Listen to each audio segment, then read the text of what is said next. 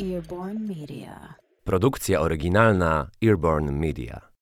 Dzisiejszy odcinek będzie o tym, jak to z czasami zmieniają się obyczaje. Właściwie wydaje się, że żyjemy w świecie wolności, możemy wszystko, a tymczasem zakazów jest coraz więcej. Nie można na przykład dziś zapalić sobie papierosa w szpitalu czy na pokładzie samolotu. Niby w wielu miejscach dozwolona jest marihuana, ale już niepopularne niegdyś opium, z którego dziś pozyskuje się heroinę i morfinę, kiedyś tak popularne i tak zwyczajne, że trudno było się uznawać za artystę, nie będąc od opium uzależnionym, a o uzależnienie w tym wypadku niezwykle łatwo.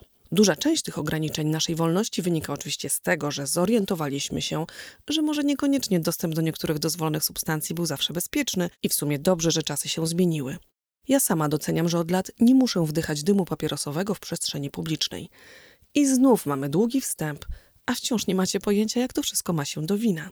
A tymczasem, czy słyszeliście o kokainowym winie, czyli winie na liściach koki? Nazywało się Mariani Wine i było hitem końcówki XIX wieku.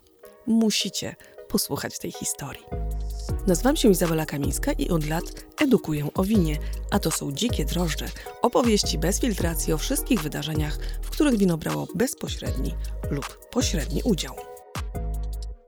Liście koki odkryto w Peru. Żuli je lokalni Indianie i wyglądali dzięki temu na wyjątkowo zrelaksowanych. Trzeba było oczywiście tę sprawę zbadać, no i dopasować jakoś całą tę procedurę związaną z zażywaniem koki do realiów europejskich. Przecież damy nie będą wkładać sobie liści do ust. Trzeba było jakoś z tych liści koki wydobyć substancję, która miała rozluźnić mięśnie, znieczulić na ból, zmniejszyć łaknienie i ogólnie stworzyć lepszego człowieka. W 1860 roku udało się to Albertowi Niemanowi, dla którego był to temat pracy doktorskiej na Uniwersytecie w Getyndze. Dla jasności dodam, że tak naprawdę ojców kokainy było dwóch, bo w tym samym czasie dokonał tego samego Paolo Mantegazza. Albert Niemann w trakcie swoich eksperymentów wyprodukował też niestety gaz musztardowy, ale to już inna historia i z winem nie ma nic wspólnego. Wróćmy więc do kokainy, by wreszcie dojść do wina. Otóż ekstrakcję kokainy ułatwiał alkohol. Widzicie już dokąd zmierzam. Szalony pomysł, aby wino zmniejszać z liśćmi koki, zakwitł w głowie korsykańskiego chemika Angelo Marianiego. W 1863 roku przyjechał do Paryża i otworzył sklepik niedaleko opery z niezwykłym produktem. Wcześniej kupił beczkę wina z Bordeaux, sprowadził również kilka kilogramów liści koki z Peru i rozpoczął produkcję cocaine wine, kokainowego wina, które nazwał Vin Mariani. Wino było wzmocnione brandy i dosłodzone, ale co najważniejsze, jedna uncja wina, czyli około 30 ml, zawierała 6 mg czystej kokainy. A to oznacza, że w butelce wina było ponad 150 mg kokainy. Sprawdziłam to dla Was. To około 4 kreski kokainy.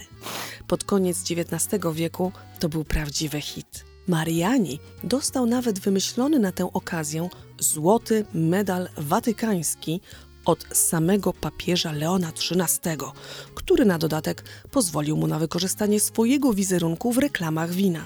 Sprawdźcie to koniecznie w internecie. Reklamy Mariani Wine z papieżem twierdziły, że wino wzmacnia ciało i umysł, dodaje energii i witalności. Ponadto uważano je za świetny aperitif, cudowny digestif, a nawet rekomendowano dzieciom. Wę Mariani dodawał chociażby energii Tomasowi Edisonowi, wspomagał wyobraźnię Juliusza Werna i Emila Zoli.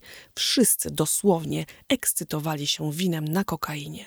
Takie to były właśnie czasy. Oczywiście i za oceanem musiał powstać produkt zainspirowany europejskim Vin Mariani.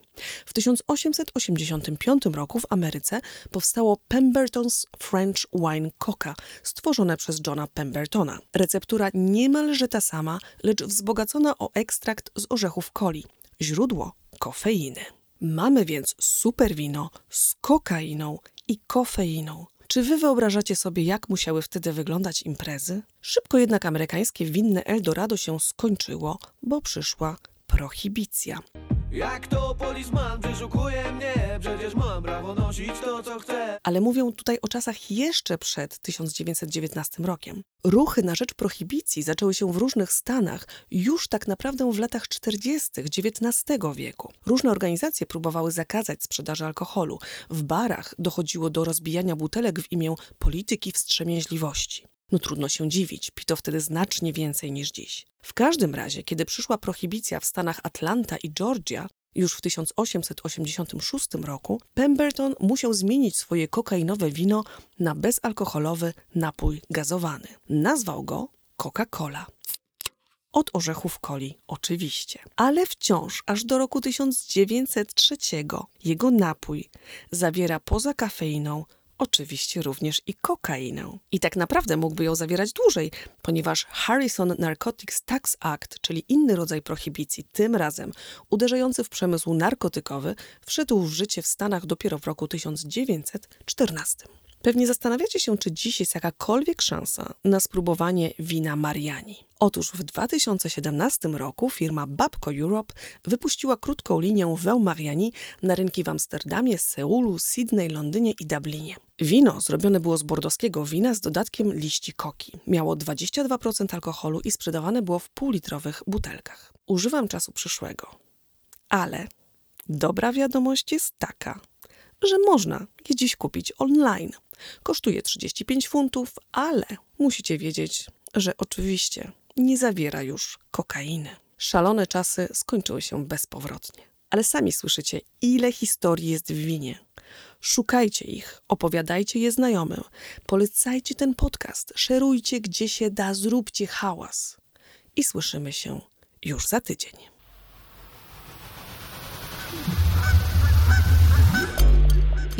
Media.